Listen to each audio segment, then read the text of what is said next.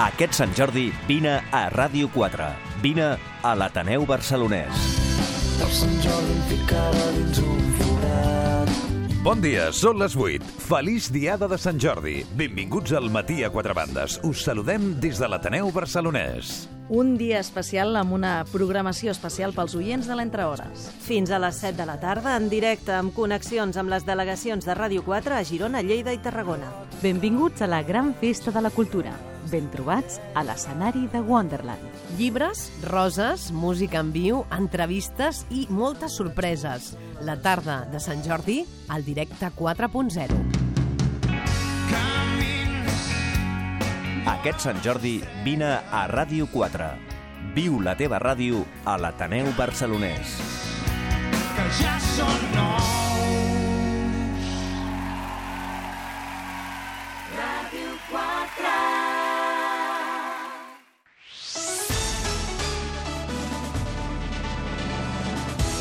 El matí a quatre bandes.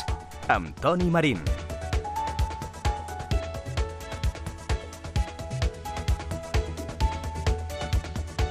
Les 10 i 6 minuts, aquí seguim en directe a Ràdio 4. Al matí a Quatre Bandes. Estic content perquè tu no havies vingut mai en divendres al programa, no, Andreu? Mai havia vingut en divendres i, clar, no t'havia vist així d'eufòric el dia És que és de la divendres. setmana. Perdona, és que és divendres. Sí, sí, molt bé, molt bé. És com comencem el programa cada setmana.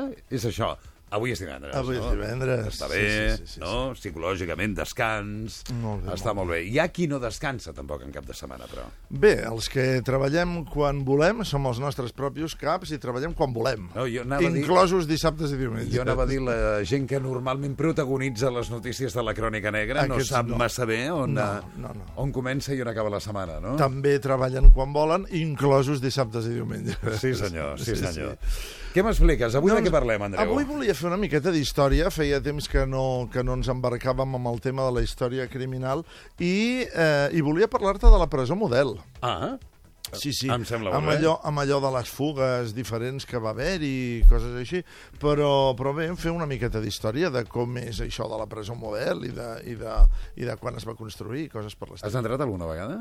He entrat... Impressiona, sí, sí, eh, la presó unes model. quantes vegades, sí, sí. Impressiona, impressiona molt. O sigui, aquelles portes que s'obren i es tanquen al darrere. Sí, una vegada, eh, la primera vegada que vaig entrar va ser perquè em van fer un reportatge, els Ahà. de la revista Interview, Sí. i va ser bastant curiós perquè em van posar una, una fotògrafa. És a dir, vam entrar i qui, qui m'havia de fer les fotos, enviat per la revista, era una fotògrafa que no sé si la coneixes, es, fa molts anys que, que, que està, però es conserva igual de guapíssima, es diu, una, es diu Maria Josep, no me'n recordo del seu cognom, però feia unes fotos molt interessants i em va fer una, un, un reportatge molt interessant. Però, clar, entrar a la model amb una, Amb una dona. amb una rossa impressionant, que, que semblava model ella mateixa d'allò, doncs la situació va ser bastant curiosa. Eh? Ahà. Sí, sí. Molt bé, doncs bé. Vinga. La, el Centre Penitenciari d'Homes de Barcelona. Mhm. Exactament aquest és el seu nom. Se Sí. li diu presó model Sí. perquè eh, volia ser una presó model. És a dir, va néixer amb teoria Mhm. de ser eh, una revolució dintre de les presons mundials. Eh? És la- Mundials. Sí, sí, en, O sigui en que aquell realment moment... volia ser un, un referent un internacional. referent, un referent internacional, Ah. perquè responia a les últimes teories de la manera de construir totes aquestes històries. Hi havia S'havien escrit molts llibres sobre, Ah. el, sobre el tema. Un tal, eh, en el 1787, Ah. un jurista i filòsof que es deia Jeremy Bentham havia publicat una cosa que es deia el panòptic. El panòptic. En què consistia? Què era? El panòptic és, és eh, un, una teoria per fer una presó, que aquesta va ser model de presons, Sí. eh, en forma d'estrella de sis puntes, és a dir, una organització eh, de tal manera que eh, tu saps que la, la presó model eh, té forma d'estrella, Sí. si te la veus des de dalt. Mhm. Llavors, les, era una mena de, de presó circular i a cada nivell, eh, eh, a, a la perifèria, estarien les celdes individuals, molt aïllades, amb què els, els presos no estarien connectats entre ells, eh?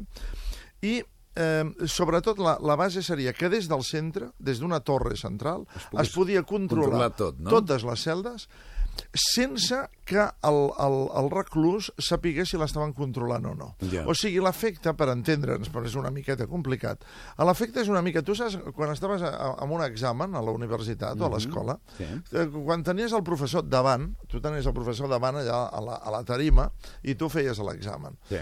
Si tu volies mm, fer un cop d'ull en el treball del, teu, del, del que estava al teu costat, o si volies fer alguna mínima trampeta, home, era fàcil de controlar si aquell profe t'estava controlant o no t'estava controlant. Lògic. Me'l veies allà davant.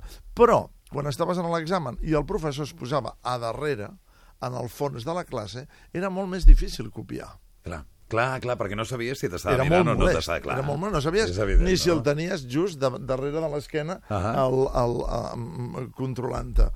Aquesta seria el principi de la, de la presó panòptica, és a dir, els reclusos mai podien saber Una mica- si l'estaven mirant o no els Una estaven mica mirant. gran hermano, no? Una mica gran hermano, una mica paranoic. Ja, en definitiva. Sí, diu, una barreja. Estem observats, sí, no hi, havia, no hi havia càmeres, Ahà. perquè avui dia això es pot... Eh, llavors, m- m- fins i tot contenia, aquest llibre del, del panòptic, contenia el concepte de la dictadura de la mirada. Se li deia la dictadura de la Interessant mirada. concepte, eh? és una mica el mateix, no? La dictadura... Sí, sí. Sí, sí. Bé, eh, també eh, incloïa la, la...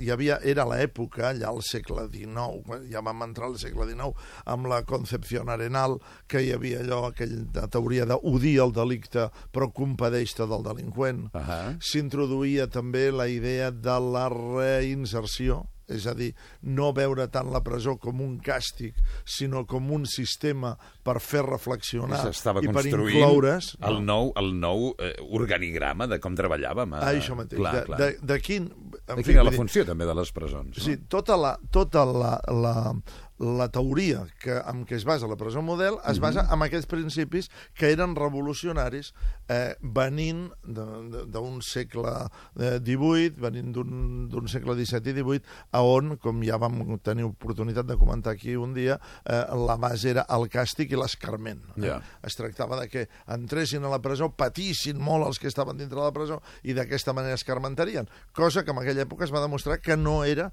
la millor manera de netejar els carrers de delinqüents. Ja. Vull dir que, curiosament, l'escarment no és eh, la millor teoria per allunyar la gent de la delinqüència.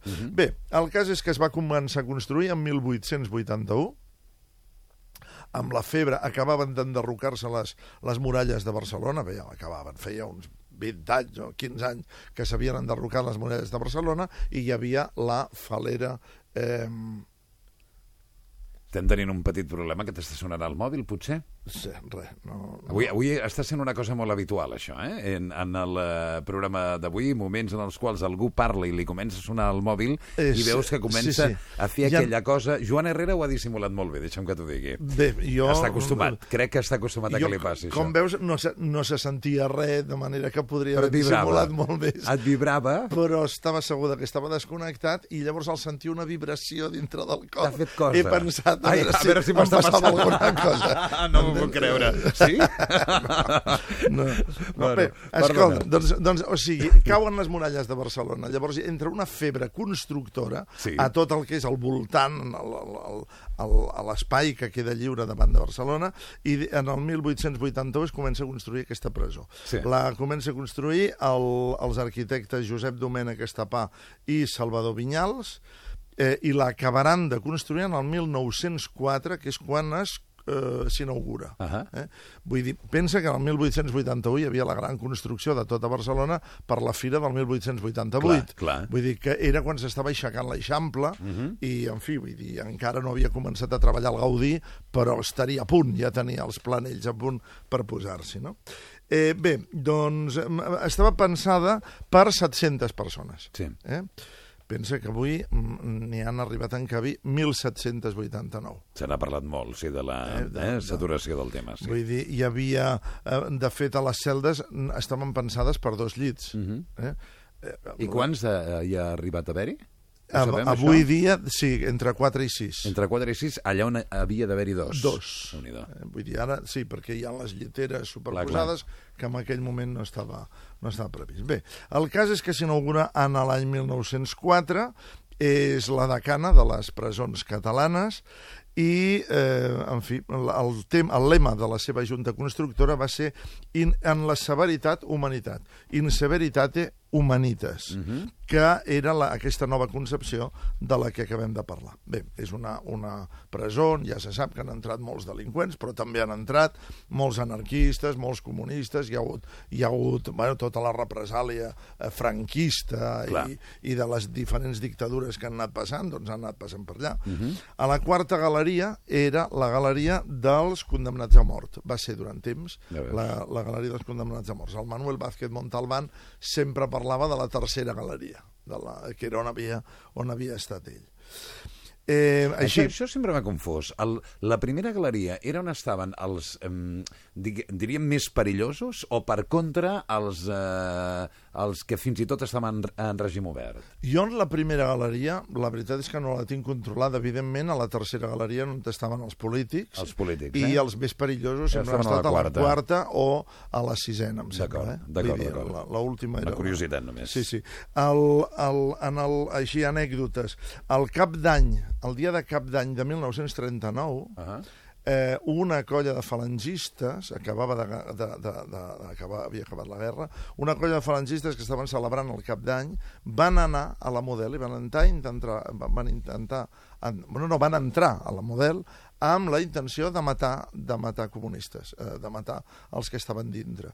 No se'ls va aturar mm, mm, i van matar eh, un parell de, de persones a qui van trobar. És a dir, van arribar fins a les celdes, que és molt, vull dir, perquè primer havia d'entrar al és- pati, després havien d'entrar, de passar les No, primeres és reixes, evident que tenien absolutament la complicitat dels guàrdies, perquè si no, no era possible arribar. o la, o la complicitat dels guàrdies o un poder de convicció a mà armada, diríem, eh, absolut. És a dir, tenien la força en aquell moment, en l'any 39, Ja, eren la clar. força absoluta i era molt difícil respondre. De tota manera, els van fer fora i no van fer tot el, tot el disbarat que pos possiblement volien, volien cometre. Però mm, es, va donar, es va donar aquest cas. Uh -huh. eh, Bé, en el, en el 2 de juny de 1978 es va donar aquella famosa fuga de 45 reclusos.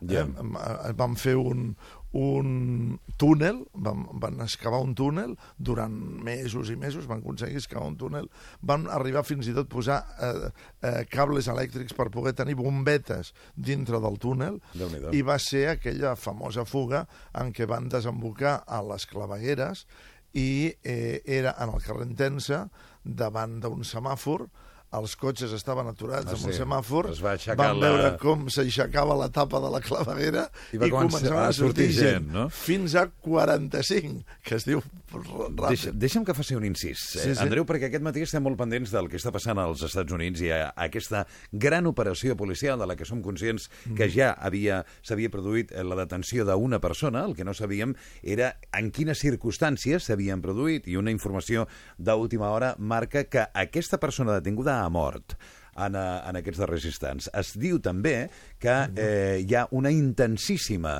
eh, operació eh, policial justament per localitzar el que seria l'altra persona, ja ho hem dit de, de bon matí, eh, quan eh, coneixíem eh, la detenció, que hi havia una altra persona que estava cercada a, a, eh, per part de la policia i que s'entendria seria l'altre que havia col·locat les bombes. Estem parlant L'altre de, les do, de la fotografia, aquesta en sortien els dos. Exacte, exacte. Bé, doncs el que ja sabem és que un d'ells hauria mort. Veurem què és el que passa. Tanco parèntesi.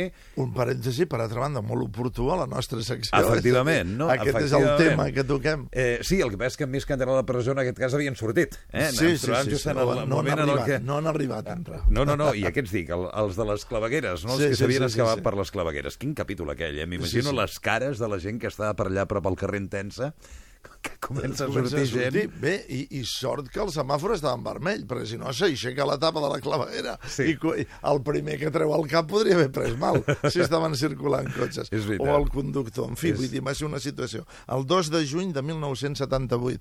Després, el 7 de juliol del 1981, Sí. va haver una altra fuga notable de vuit eh, reclusos eh, que eh, va ser al migdia d'un diumenge, hi havia gent, eh, i el pati estava ple de gent perquè anaven a entrar, i eh, anaven a entrar a vi- a visitar els presos, però vuit presos molt perillosos, uh -huh. atracadors molt perillosos, molt agressius, van reduir els funcionaris que estaven vigilant els, els punts i eh, llavors es van ficar eh, reduint en els funcionaris, suposo que amenaçant-los amb, amb objectes tallants, amb navalles de fabricació eh, casolana, eh, van aconseguir escapar. Van, van escapar vuit, que, entre els quals hi havia un atracador molt famós, del que algun dia li hem de dedicar a la secció, que era José Bravo La Torre. José Bravo La Torre. Sí, un atracador mm, perillós del que, com dic, ja parlarem.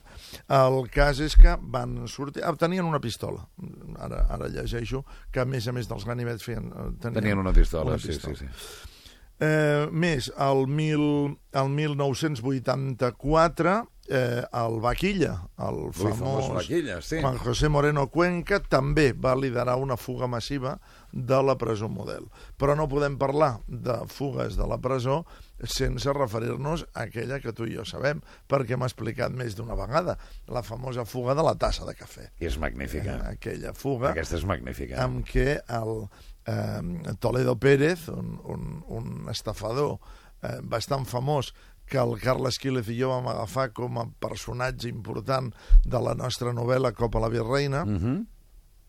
doncs eh, anava a servir un cafè en el director de la presó, eh, havia atravessat una sèrie de, de, de reixes, va dir eh, vaig a portar aquest cafè el director de la presó uh -huh. i en el moment de sortir al pati, fem-nos la idea de que a l'administració i despatx del director estava a l'esquerra i la porta de sortida al carrer Intensa estava a la dreta, uh -huh. amb un guàrdia, naturalment.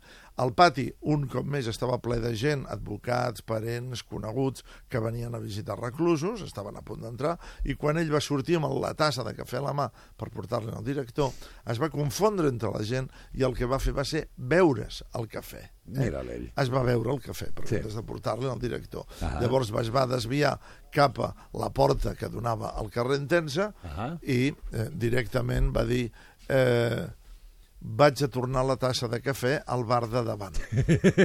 I se'n va anar.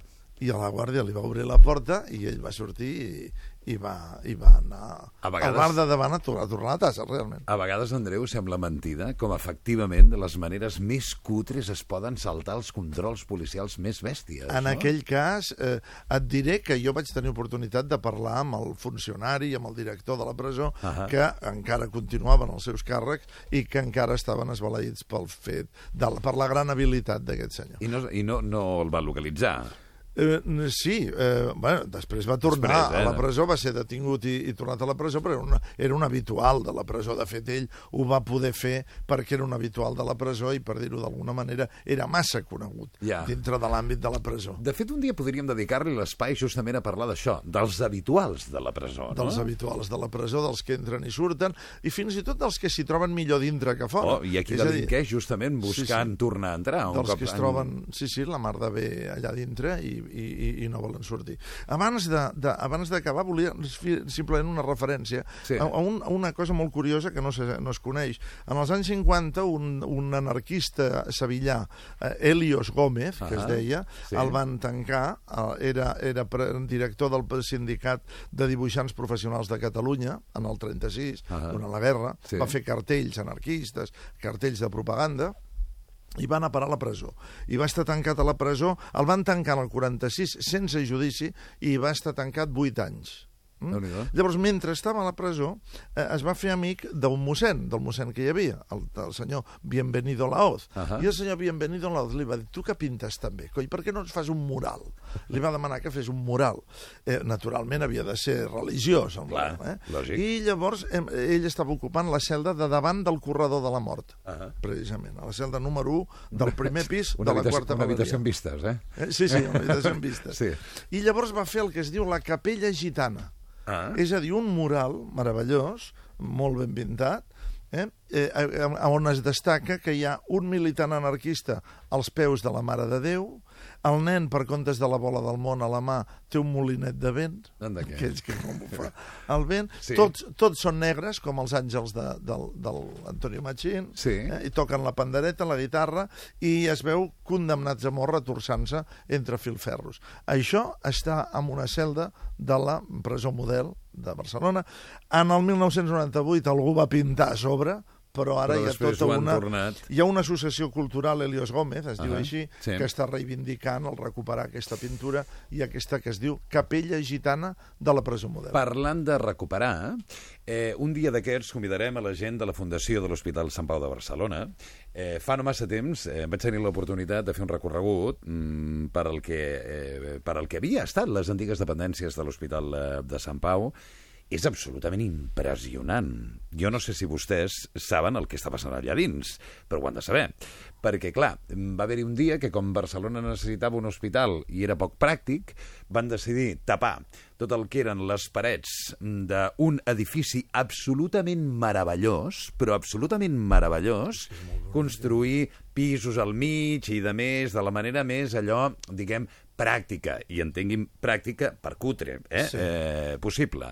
Doncs bé, des de fa ja com dos o tres anys, o quatre, o cinc, no ho sé, un equip de restauració espectacular estan fent... Ho has vist tu o no, No, no, Andreu? no, no tingut una feina que és de veritat espectacular, perquè és una autèntica joia del modernisme català. I a partir d'allà, autèntica, eh? eh a partir d'ara, eh, aquelles seran eh, dependències que ja no eh, alberguen eh, l'hospital. Com saben, ja hi ha un nou hospital eh, de Sant Pau, i allà hi haurà, eh, si no tinc mal entès, la seu de la UNESCO, em sembla que també hi haurà una oficina de les Nacions Unides, etc etc. Es pot visitar eh, la part restaurada ja i els ben asseguro que es quedaran impressionats perquè tinguen, tinc la sensació de que no hi ha massa coneixement sobre el que realment hi ha allà dins i és una autèntica meravella, autèntica meravella. Mm -hmm. Com vas d'exercicis de, de mà, tu, aquests dies? De, bé, vaig, vaig signant, vaig signant i suposo que el dia de Sant Jordi Aquí on signaré... vaig? Eh, em- home, pots anar al, al centre, en algun lloc del centre em trobaràs, no sé, no sé exactament centre, no? on aniré a parar. La qüestió és que eh, signaré Societats Negres i Cabarets Pompeia, Sí? que són els últims llibres que he tret i que vull, i que vull mimar especialment. Molt bé. Ignacio, què tal? Bon dia. Bon dia. Per què somrius d'aquesta manera? Per al cabaret Pompeia o per al què exactament? No, no, res, res. Re, com que res? No, perquè has fet un gest, no? Ah, he fet un gest? Ah, no, m'ha semblat com, com si ens senyalessis, no sé. A tu? O No, a què? els dos, els dos. Els... Ah, no, clar, us he se- senyalat... Així, així, però vale. saps què significa això? Sí. Que, que us obrissin micròfons, sí, sí, sí, sí. no? Això, per això. Per, perquè si no queda aquella cosa lletja Sí, sí, sí, sí. de que saludo al Santi, per exemple. Hola, Santi. Hola, bon dia. Veus, saludo al Santi se, se l'escolta perquè ja li dit a l'Àngel que obris Sí, el sí, micro, sí, és vale, aquest el vale. tema. Sant Jordi, que arriba Sant, Sant Jordi, no? sí, Sant Jordi. Com, viviu Com Sant- cada any, eh? Clar, clar, però jo no sé si tu viuràs el Sant Jordi aquest any com cada any o el viuràs d'una altra manera. Bona pregunta. Ah, veus? Eh, veus? Bona pregunta. Pues, suposo que sí, passejant, com sempre. Sempre és un plaer, no?, passejar pel centre aquest de Sant Jordi. Sempre és, un veritat, espectacle, eh? eh? I mirar llibres i roses, Sí, i... tant, tant. no, Andreu?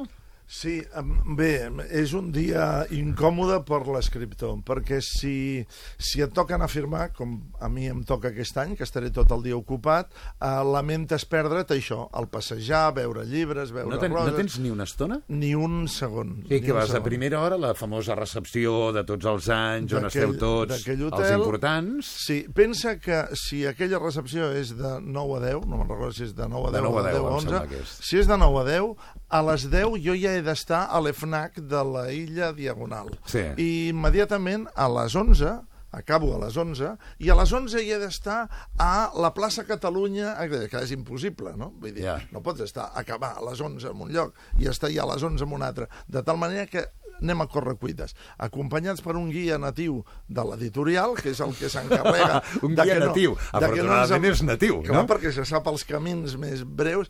Ell s'encarrega de que no paris a fer un cafè, de que no t'entretinguis, Ja. i que compleixis i estiguis allà signant on toca bé. Quan et toca així, eh, no, et perds tot, et perds el passeig, et perds el, el tal. Ta- També és veritat que es pot veure d'una altra manera, eh, tot això. És a dir, que és el gran dia en el que l'escriptor connecta amb la seva gent, no? Sí, sí, sí, sí, sí, també es pot mirar des de... No, perquè aquest és l'altre. A l'any que no tens llibre per signar, aquest Sí. any et queixes perquè no hi ha manera. I a l'any que no tens llibre per signar, a l'any que no conviden a cap taula per signar el teu llibre, llavors et sents desolat. Pots passejar, vas passejant, però vas veient els escriptors en contacte amb el seu públic i tu, en canvi, allà marginat, ningú et fa cas. O sigui que mai estem contents. Però, però això t'ha passat alguna vegada, tu? Sí, sí, sí, sí. home, clar, sí. O no tan clar, quan si ten, tens No, una jo tinc publicació llibres, enorme, sí, no? sí, però, però el que és interessant quan es fa Sant Jordi és interessant que es faci un Sant Jordi promocionat. Si treus un llibre i l'editorial no li fa gaire cas, no val la pena seure en una taula de Sant Jordi. Clar. Però, en fi, vull dir que és un dia incòmode des d'un punt de vista i des de l'altre punt de A vista. mi sempre, eh, el dia de Sant Jordi té una cosa que m'ha agradat sempre moltíssim, eh, a banda de tot el que, de, que, el que és característic, el que deies tu, Sandy, espera que saludo la Gina, que acaba d'arribar ara mateix. Hola, Gina, bon dia. Hola, bon dia. Estem parlant de Sant Jordi. És un dia que m'agrada molt a mi, és Oh. el meu sant. És el teu sant. Ah, clar, és veritat. Doncs eh, m'agrada molt veure les cares de la gent, no? Però sobretot les cares dels senyors que porten la rosa a la senyora, eh, sense massa convenciment. Que, que hi ha, que hi ha, hi ha qui no, eh? Hi ha qui porta amb orgull la rosa, el llibre i de bon rotllo. Però després hi ha un tipus de senyors que els hi fa com cosa anar pel carrer amb la rosa. I són francament divertits de veure. Ignacio, em sembla que tu els tens controlats, aquests, no? No, no, no, a mí no, ¿No? me da vergüenza llevar la rosa. A ti no te... No, no, no digo que seas tú. No, ah, vale, digo vale, que, vale. Que los has visto... Jo crec que Sí, tots els hem sí, vist sí, alguna sí, vegada, no? sempre. Aquest Però cada senyor... vegada menys, eh, afortunadament. Sí. Eh, sí, sí. Jo crec que temps enrere, no el dia de Sant Jordi amb la rosa, qualsevol home que es veia obligat a portar un ram de flors pel Mm. carrer semblava que estava com violent. Jo crec que això ha canviat. És que jo crec que portar un ram de flors pel carrer... Mira, mira, mira quin pensament acabo de tenir. Té una mica el mateix eh, efecte de cara als demés que quan vas eh, passejant un gos que és molt maco. Saps? Que eh, la gent et va dient coses? No, la, la gent... Amb el ram de flors passa el mateix. Vaja, jo no sé si us ha passat alguna vegada. No, a mi no m'ha passat mai, eh? Mai. Has portat roses o alguna cosa Home, alguna això sí, però mai m'ha mai m'ha passat aquesta situació de tensió ni res, perquè sempre ho he portat amb molta naturalitat i... Amb orgull, no? Sí, i tant. Amb Amb, orgull. ganes de fer-ho, sí, i hauria de ser així, hauria de ser així. Ja teniu controlats els llibres que regalareu, les roses que regalareu, per on va la... Veig unes cares de... Que va, que va, jo no... Jo de no manca gens, de eh? reflexió al respecte total, no?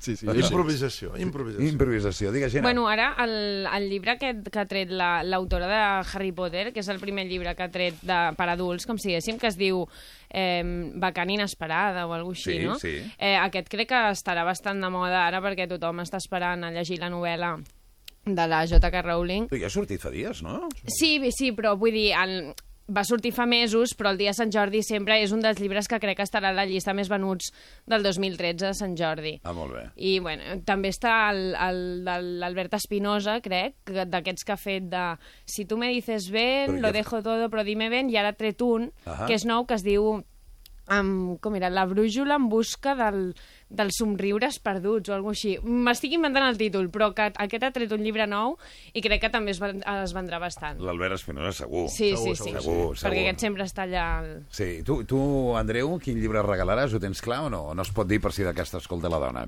No ho sé quin llibre regalaré. No, no, m'agrada improvisar en el moment. M'agrada improvisar. Jo, en aquest moment, si hagués de regalar algun llibre eh, dels últims que he llegit, eh, regalaria un del Lluís Llort, que ahir vam arribar a l'acord que ha, ha triat un títol una mica difícil, em passarà com a la Gina, que no, no Sí, l'encertaré, però que es diu alguna així com si un cop donat per mort un dia tornes. Caram, Ah, mira. De Lluís Llort. Eh, L'he llegit, és francament bo. Sembla bo, suggerent el títol, la veritat. Molt bo. Bueno, la veritat és que és, forma part també del dia de Sant Jordi anar i escollir el llibre, no? És a dir, que, que està molt bé. Andreu, que vagi Molt molt bé. bé. el cap de setmana. No, espera, home, no cal. que quina pressa, no? Amb Que quina pressa s'aixeca avui. Home, perquè estic aquí invadint terreny. No, però que aquest terreny és un terreny neutral, sempre, bé. no? És un terreny de la conversa, és un terreny on parlem de les coses. Saps, em falta pràctica, però estic acostumat a que tu llavors cantis els segons que falten per acabar el programa. Ah, vale, és veritat. Com estem al final del programa, jo ja sé, quan en el, en el meu espai, jo estic acostumat a saber quan s'acaba. És una cosa S'acaba curiosa. claríssim. Això- Pip, pip, pip, s'acabó. Vaig, es, vaig explicar una, una interioritat, però que és molt habitual a la ràdio, que és com, eh, mm, com, com demostra que els humans som gent de costums, en general, no? O sigui, com, per exemple, l'Andreu, sempre quan entra, sempre seu a la mateixa cadira, però no l'Andreu. Eh, Ignacio, tu t'has assegut en alguna altra cadira que no sigui la que estàs ara? No, la Gina sí. La Gina Sí, jo he anat normalment variant. està a la cadira on està avui el Santi. I el Santi, Oi? El que... No, jo vaig canviant, eh? Tu A mi no m'importa, eh? A tu no t'importa, eh? No, no, no. Jo crec que a la majoria de gent no li importa. Però en realitat, com és el seu lloc, però si fins i tot el conseller d'Agricultura, que eh, eh, és veritat, ho dic en sèrio, eh? com abans venia a les tertúlies del, del programa i seia a la cadira on està ara la Gina, eh, que és la més allunyada, per entendre'ns, perquè vostès eh, ho entenguin, de- de- d'on estic jo, clar, normalment el convidat del dia es posa that. A la, on està l'Andreu, que és la més propera. Doncs el senyor Pellegrí, el conseller Pellegrí, quan ve se'n va a aquella cadira, diu, "Però, conseller, sisplau, apropis, que per diu, oh, no, no, que és la meva, que és la meva. En fi, bueno, hem de fer una petita pausa. Andreu, que tinguis una molt bona setmana. Ens eh, veiem eh, di... Dimecres. Dimecres, efectivament, que vagin molt bé el dimarts. Eh? El dimarts faré tot el possible per queixar-me poc. Gràcies per cuidar-te i per cuidar-nos. Les 10 i 35 minuts, fem una pausa molt breu. Ara tornem de seguida en la nostra tertúlia de joves amb eh, la Gina, amb el Santi, amb l'Ignacio. Falta el Dani Garcia, que deu estar a punt d'arribar al nostre estudi. Tornem de seguida, Ràdio 4, aquí al matí a quatre bandes. Som traficants de somnis. Badacina. Un espai on encara es pot somiar. Connecta't al cinema cada diumenge de 2 a 3 de la tarda. Directe al cor del cinema. Badacina a Ràdio 4.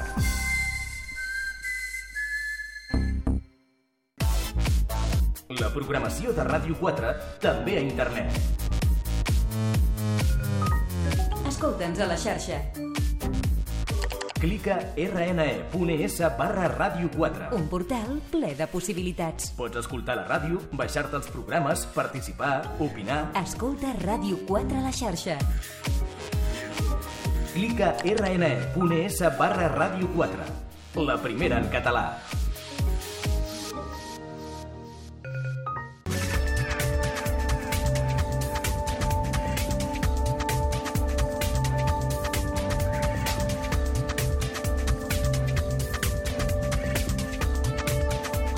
23 minuts i arribem a les 11 en punt del matí.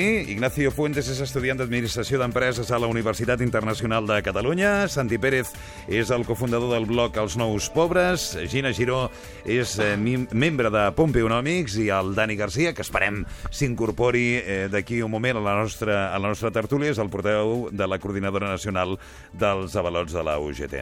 Quina setmana estem tenint, no, Santi? déu nhi bastant moguda, eh? Bastant moguda, eh? I bastant sorprenent, també, amb tot això que està passant als Estats Units. Bastant sorprenent. Per què? Perquè ha sigut com a una acumulació de fets molt, molt destacables en molt poc temps, en dos o tres dies, Mhm. entre el sobre que li van enviar a Obama, l'atemptat a Boston, després l'explosió a Texas... Sembla que estigui passant alguna cosa, no sé, és com molt, molt curiós. És curiós, sí. Ja, aquesta nit hi ha hagut també un, com un tiroteig a l'MIT, que Mm. un policia bueno, ha mort, i es veu que està bastant... I també he llegit aquest matí al diari que ja han detingut a un sospitós per l'atemptat i es veu que els dos fets poden estar correlacionats. El que ha passat a l'MIT amb el tema de l'atemptat de Boston, però bé, són especulacions encara, no se S'ha sap. posats, eh? Amb el no l'havia tema... No l'havies oído. Lo del MIT, ¿no? Eh, sí, doncs ha, a mi hi ha una cosa que em té sorprès, i és fàcil d'entendre, eh? i és facilíssim d'entendre, no?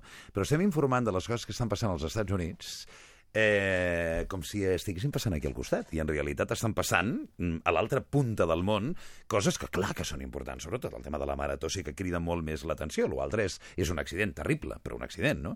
Eh, I em sorprèn, perquè coses com aquestes, bé, no, no és veritat, no em sorprèn, però coses com aquesta al món passen 50.000.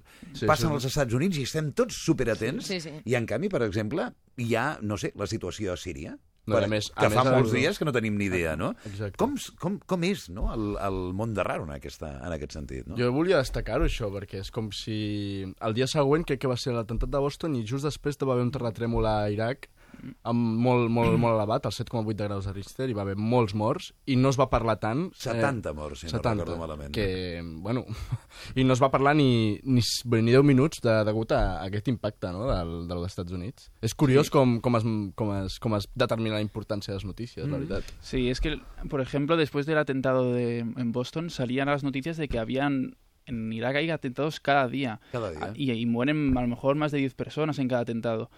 Lo que pasa es que sin criticar a los medios... el Critica tema- a los medios. Bueno, pues, Puedes criticar todo lo el que tema, quieras. el ¿eh? tema, el tema de, de Irak ya está muy explotado a nivel periodístico. Entonces yo creo que intentan explotar, ya veréis como dentro de una semana de Boston ya no sabremos nada, ni cómo está el Es tema. distinto, ni- ¿eh? Es distinto, ¿eh? Sí, pero yo me Porque refiero el punto que... de partida es completamente Sí, distinto. es ¿eh? distinto, pero ya verás, como dentro de un tiempo la gente le preguntará por el atentado de Boston y no sabrá, ya habrán cogido seguramente a los culpables, no sabrá ni cómo está el juicio, ni cómo, ni lo que les va, la pena que les van a poner, ni tampoco les importará mucho. Entonces, yo creo que vivimos muy al día a día y aparte el poder mediático que tiene Estados Unidos y cómo sabe vender los hechos que pasan en Estados Unidos, lo sabe vender mejor que nadie. Entonces, pues yo creo que es eso un poco. También déjame que te diga una cosa. Esa es mi opinión, ¿eh? No, no, no, y me parece estupenda, ¿eh? Y por eso te digo, da toda la caña que quieras a los medios, ¿eh? Que, que yo no soy aquí el portavoz de- del colegio. de- no, pero eh, también date cuenta que si tuviésemos que hacer el seguimiento Está de claro, todo lo que pasa está claro. respecto... Fíjate el ejemplo que acabas de poner, ¿eh? Imagínate, extrapólalo a todo lo que pasa. O sea, es que los periódicos... Es el día a día. Claro, Sí, ya, pero que me refiero que, por ejemplo, lo de la primavera árabe. Ya nos hemos olvidado de lo que ha pasado, Sí. lo que pasa en Libia, eh, de lo que pasa en Siria, de lo que pasa en Egipto, que están igual de mal que dos semanas después de que se, de, de que se desencadenase todo, ¿no?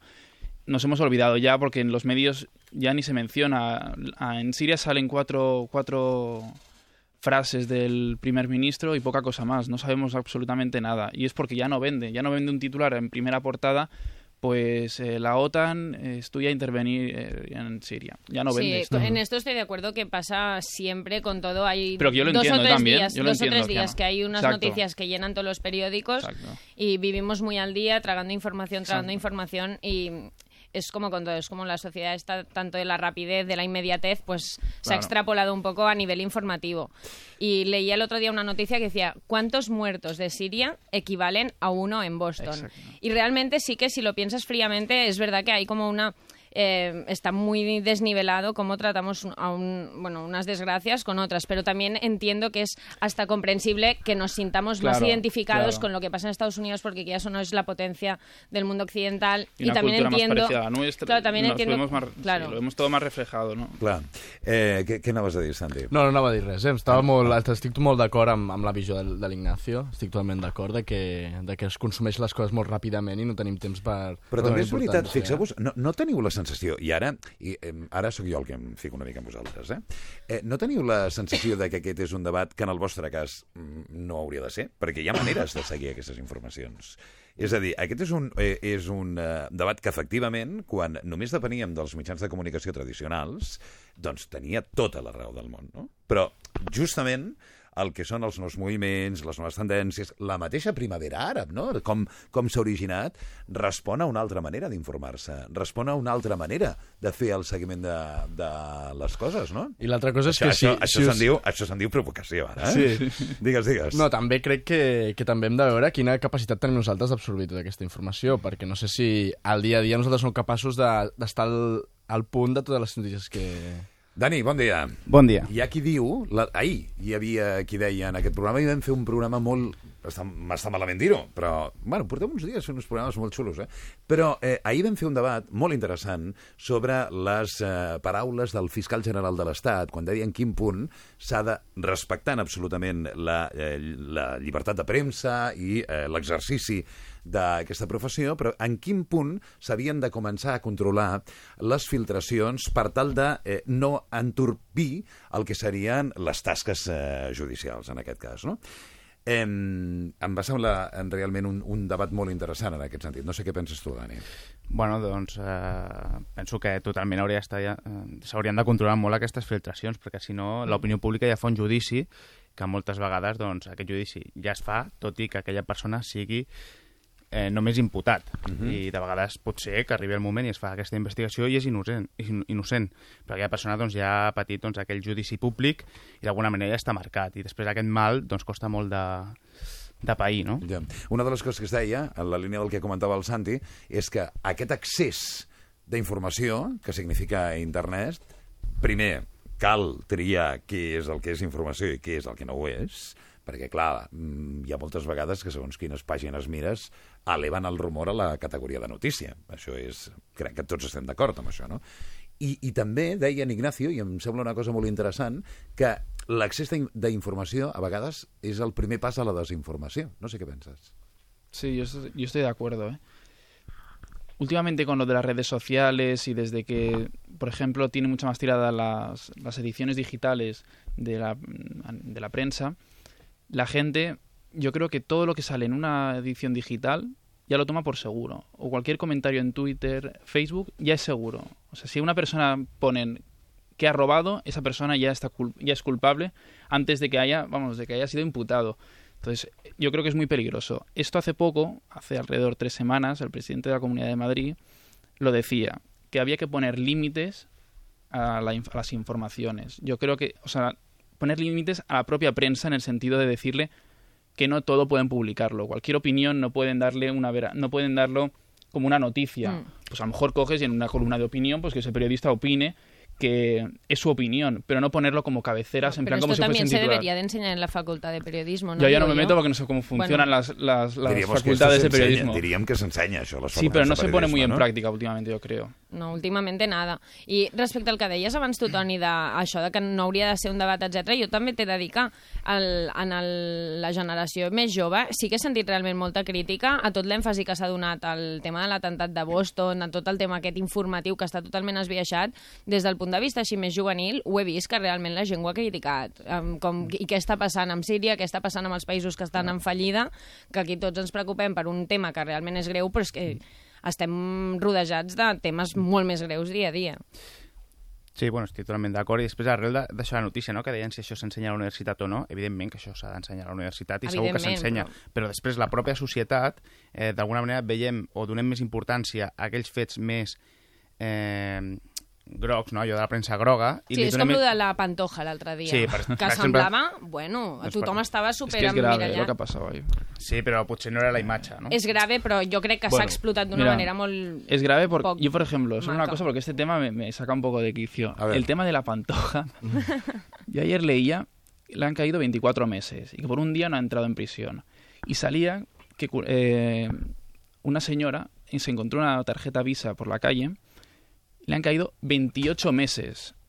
Me parece que le han dado el indulto el gobierno. Le han dado el indulto, pero entonces ella justificó que utilizó esa visa de quien no sabía de quién era, sino que Ah, se la encontró en la calle comprar, ¿no? para ir a comprar Pañales. pañales. para sus hijos y comida. Es muy heavy ¿eh? que esta señora no vaya a pisar la pantoja, no vaya a pisar prisión, solo tenga que pagar un millón de euros, que evidentemente ya lo tiene cubierto. O sea, ya han dicho, el- ayer salió el abogado en plan medio chulo, así diciendo que bueno, que eso ahora se vende una casita de las que tiene y ya está. Con lo que ha robado no va a pisar ni prisión por un día. Entonces, y que esa señora sí que la iba a pisar la prisión por De- de 28 tota meses, manera, por no cuatro sé- meses de diferencia. No sé, que- si, no sé si, eh, si, si és bo analitzar la justícia base de la eh, comparació de les sentències, perquè més enllà, pregunto jo, eh?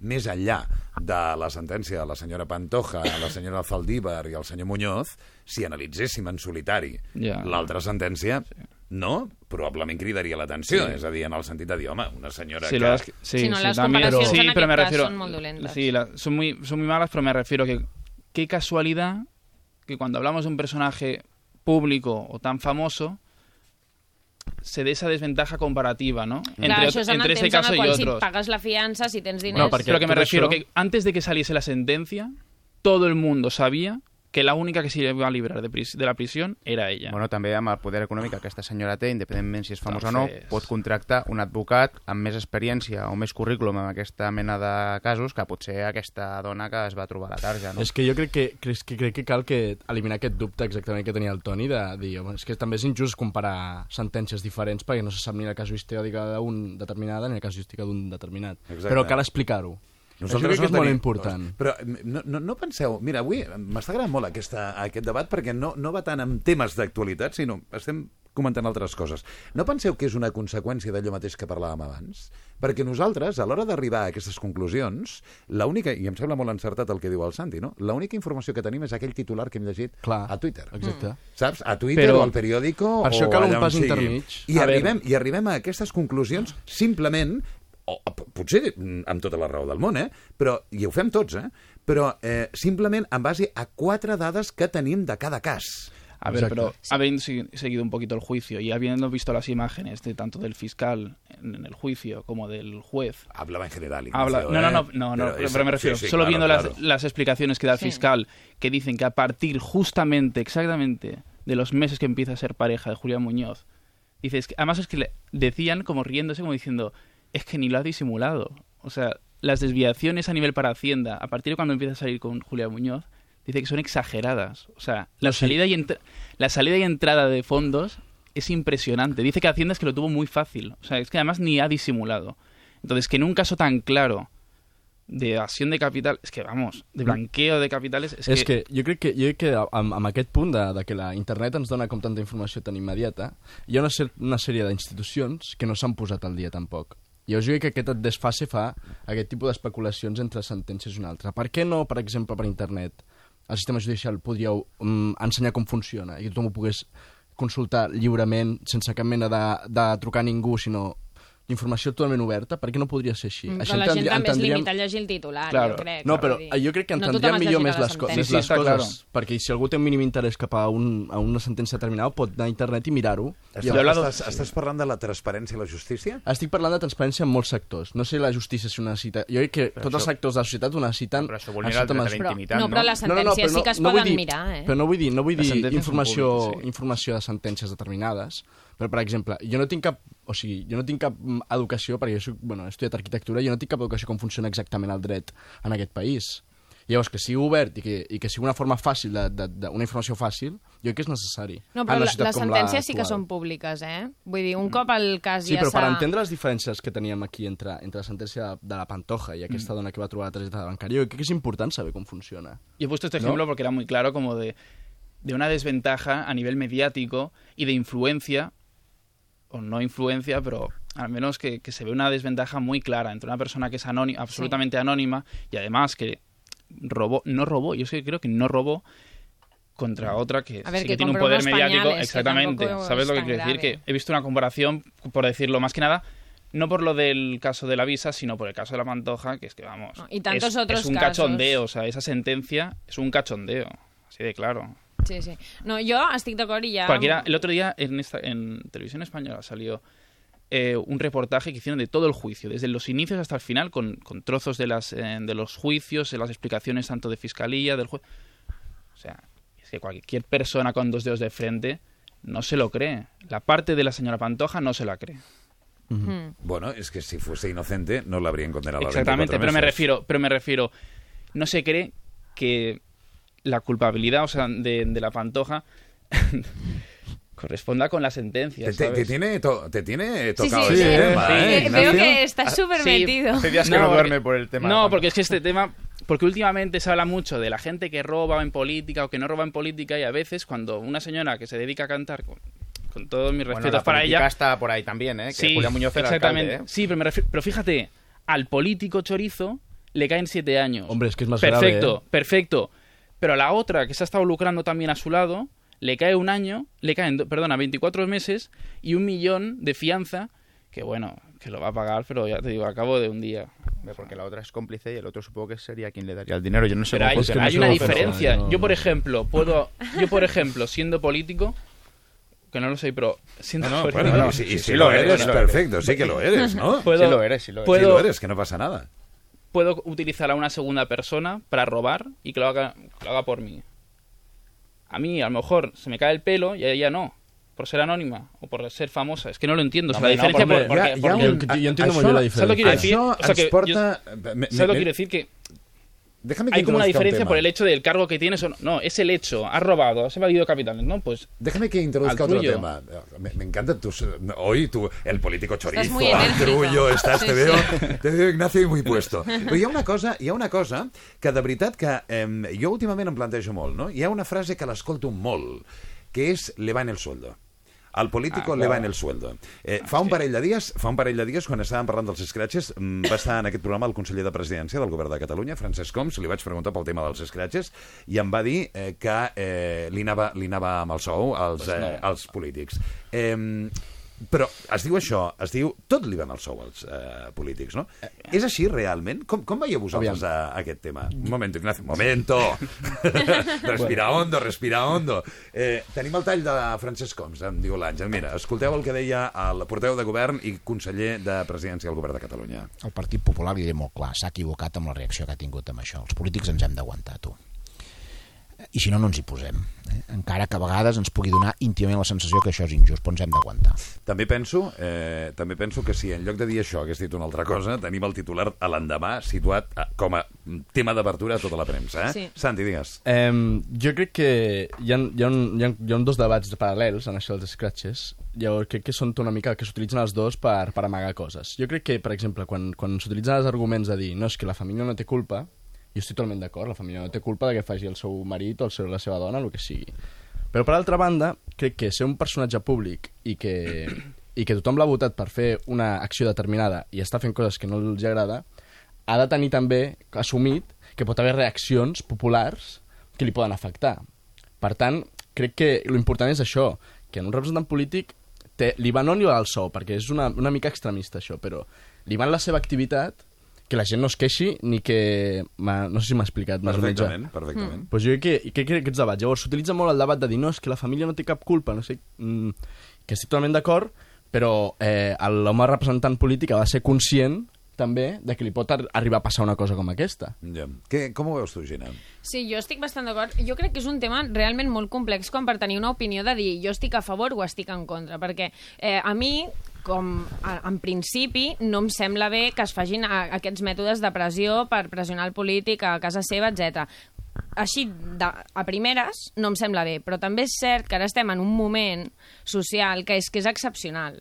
Llavors també em sembla doncs, una miqueta eh, reduccionista criticar-ho, ah, mira que malament, perquè és que estan passant tantes coses que no haurien de ser acceptables que em sembla que això doncs, potser sí que van al sou. Uh -huh. I en el moment, i clar, em sembla realment que és un tema molt complex com per dir estic a favor o en contra, perquè estan passant tantes coses, tanta gent està sent desnonada que dius doncs també la gent no se'ls hi pot prohibir les maneres de, de reivindicació. Llavors, jo també crec que això, que si ell hagués fet unes declaracions dient que li sembla malament, doncs no m'hagués semblat bé. A mi, a mi em sembla bé que digui que li van al sou malgrat que en principi no em sembli una situació desitjable perquè no està bé pressionar els representants el fora punt, del Parlament. El punt 1 de la conversa era quantes coses li van al polític en el sou. Era, eh, no, perquè jo escolto No moltes... tantes, eh? Jo crec que no, no, no tantes. Jo simplement posava el tema al damunt la taula, eh, Dani?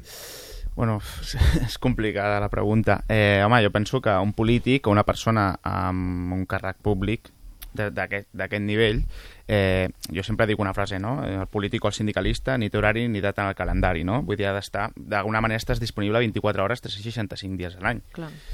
Però d'aquí a haver de... Vull dir, s'ha de posar un límit, no? Però també és veritat, com diu la Gina, que estem en un moment totalment excepcional i sobretot quan hi ha una iniciativa legislativa popular amb més d'un milió i mig de signatures que van al, al Congrés dels Diputats i d'alguna manera eh, es menysprea aquest milió i mig de signatures, doncs és normal que hi hagi aquesta mena de reaccions. Per tant, jo penso que això s'ha d'apel·lar un moment totalment excepcional i la gent que està al govern doncs, ha d'assumir les conseqüències. Ignacio, ¿qué dios tú? Será muy complicado, pero yo estoy en contra. Así de claro. O sea, yo entiendo que el tema sea complicado, no, pero también, que la ¿eh? gente no sepa las diferencias entre la vida privada, familiar, uh -huh. eh, de, con sus amigos, tal, a la laboral, a mí parece grave. Sí que es verdad que un, un político no tiene la misma proyección que a lo mejor pues, tiene, puede tener un ejecutivo de una empresa, de acuerdo.